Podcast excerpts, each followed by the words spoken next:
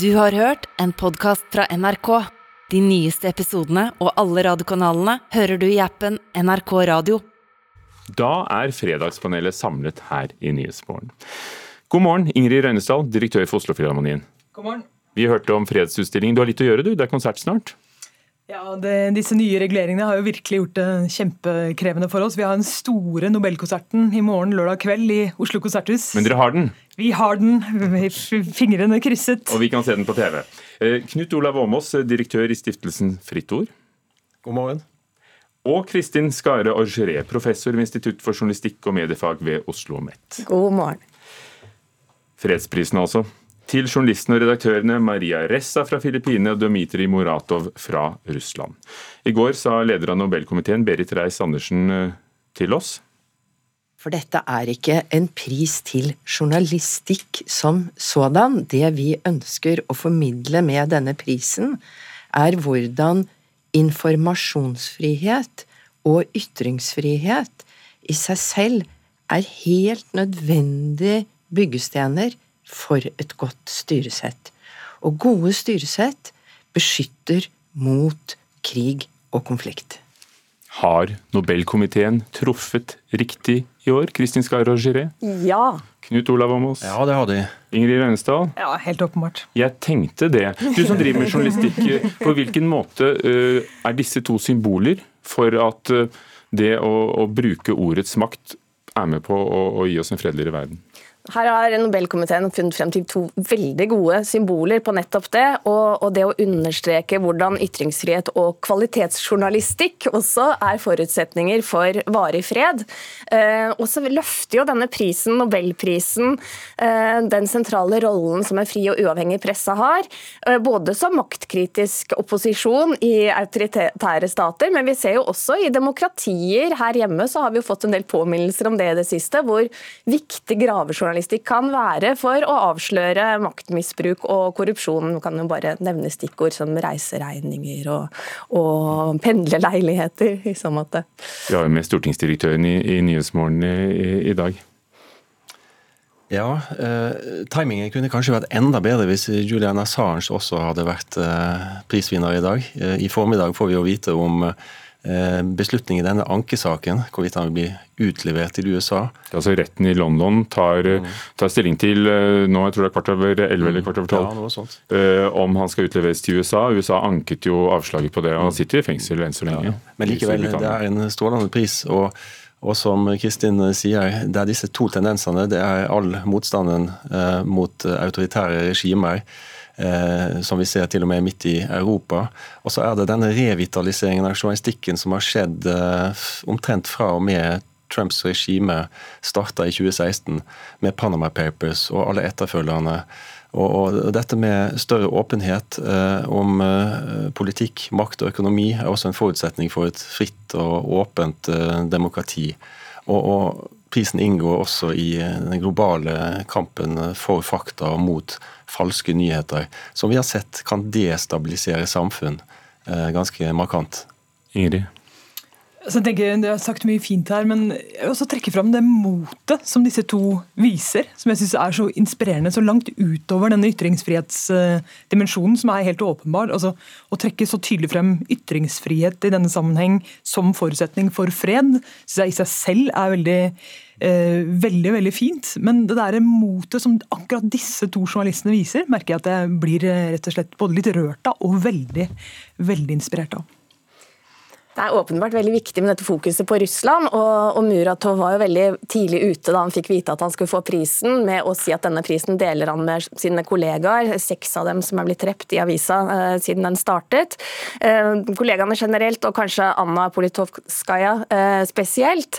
Men jeg syns allikevel det er litt interessant å se dette med kjønnsbriller. Altså nå Siden 1901 så er det noe sånn som 90 menn og 17 kvinner som har fått fredsprisen.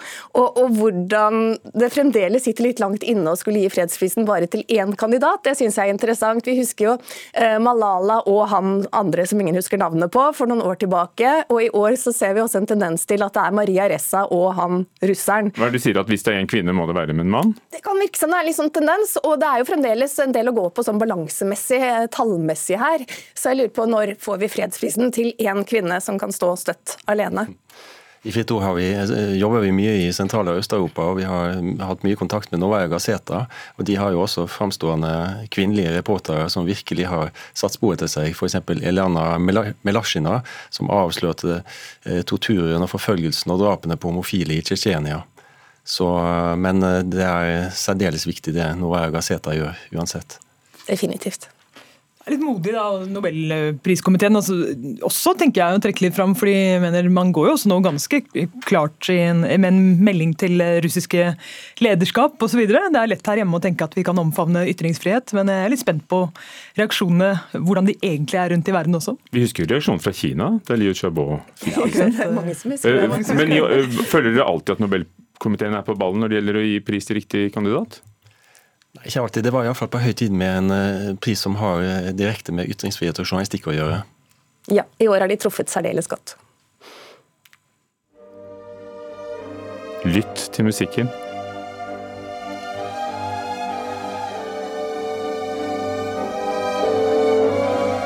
Det er nemlig fra Nøtteknekkeren. Eh, og det er ikke alle som ville se og, og høre dette i år som får oppleve det, for nå er avlysningen i gang.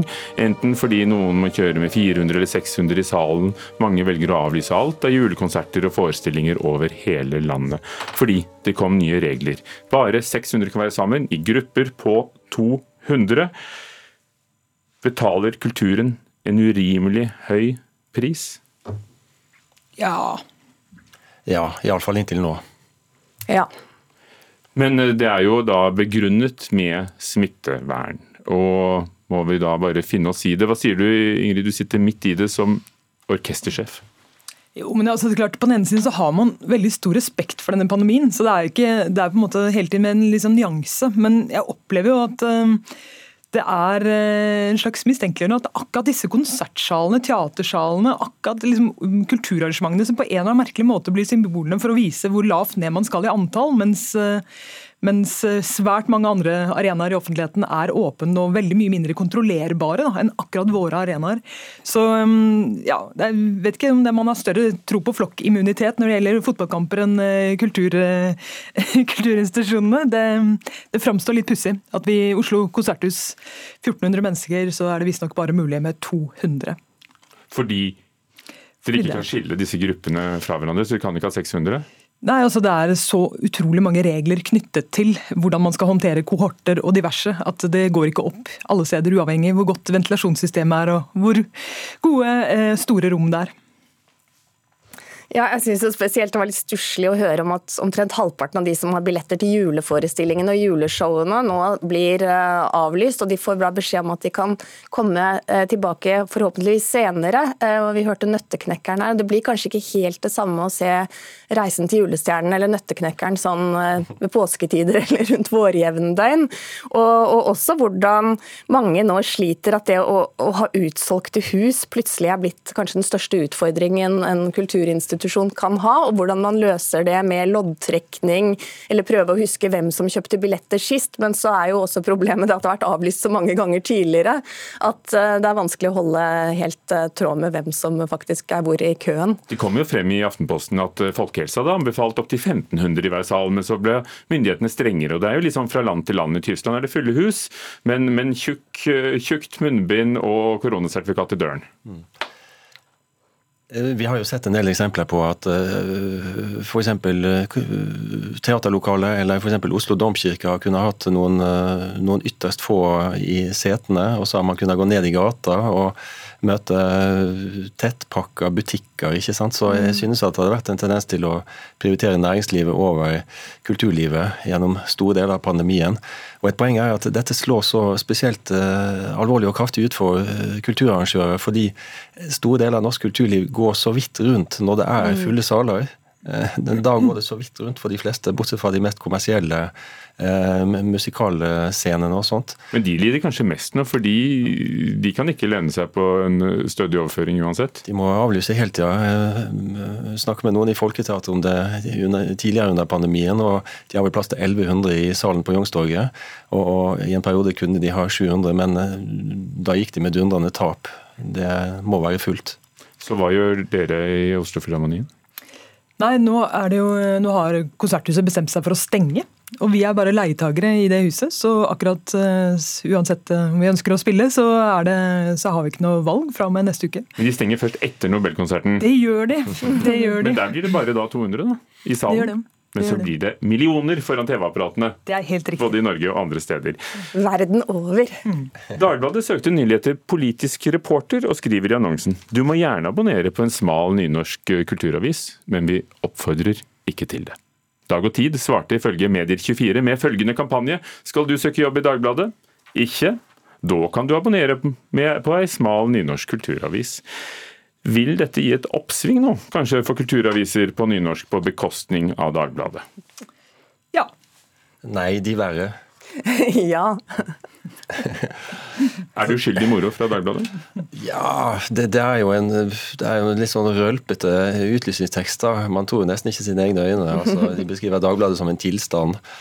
Det kan jo ha noe for seg. Og, og, og sånne formuleringer som du må like å dunke ut en nyhetssak i høyt tempo simpelthen elske følelsen når konkurrentene siterer deg tre minutter senere. Eh, det er liksom kriteriet på kvalitetsjournalistikk. Altså være først, ikke best. Eh, men eh, den mer eller mindre morsomme annonsen ble iallfall møtt med, møtt med atskillig vidd og humor fra Dag og Tids side. da. Så jeg håper de Jeg skulle ikke forundre meg om de opplever ganske økt tilgang nå. Jeg håper det, altså. Ingrid Rønstad, du har jo både skrevet i avis, og nå sitter du og blir skrevet om, i hvert fall orkesteret ditt. Hvordan opplever du kårene for kulturjournalistikken? Eh, det er jo definitivt krevende. Det er det absolutt ingen tvil om. Jeg har jo I forhold til denne saken så tenker jeg at det er en sånn pussig underforståtthet at du er diskvalifisert hvis du leser en nynorsk eh, avis til å bli journalist i Dagbladet. Det, en, eh, det syns jeg var å trekke det litt langt, samtidig med vi skal ikke være humørløse.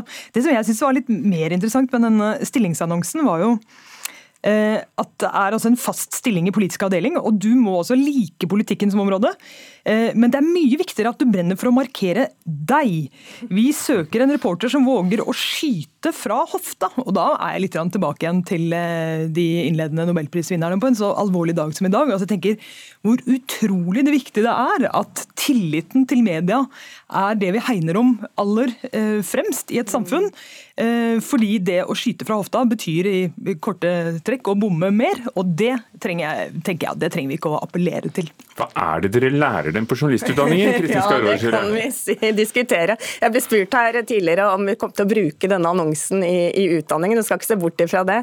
Jeg blir sånn opprømt og glad når den underdoggen eller den antatte svakere part parerer så raskt og tar ballen og løper av gårde med den, og det er ingen tvil om hvem som var best eh, i den duellen. Eh, det tenker jeg er reklame eller kommunikasjon på sitt aller, aller beste. Man plukker opp denne kritikken da, og, og internaliserer den eller omformer den til sin egen fordel. Eh, det er jo helt framifrå.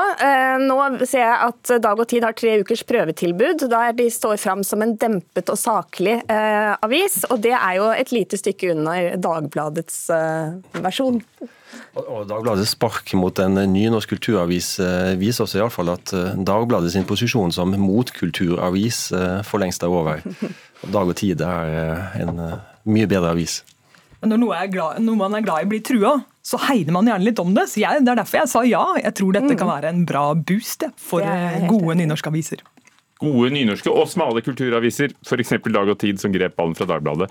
Takk skal dere ha, Ingrid Røynesdal, direktør for Oslofilharmonien, Knut Olav Åmås, direktør i Fritt Ord, og Kristin Skarår Geré, professor i journalistikk.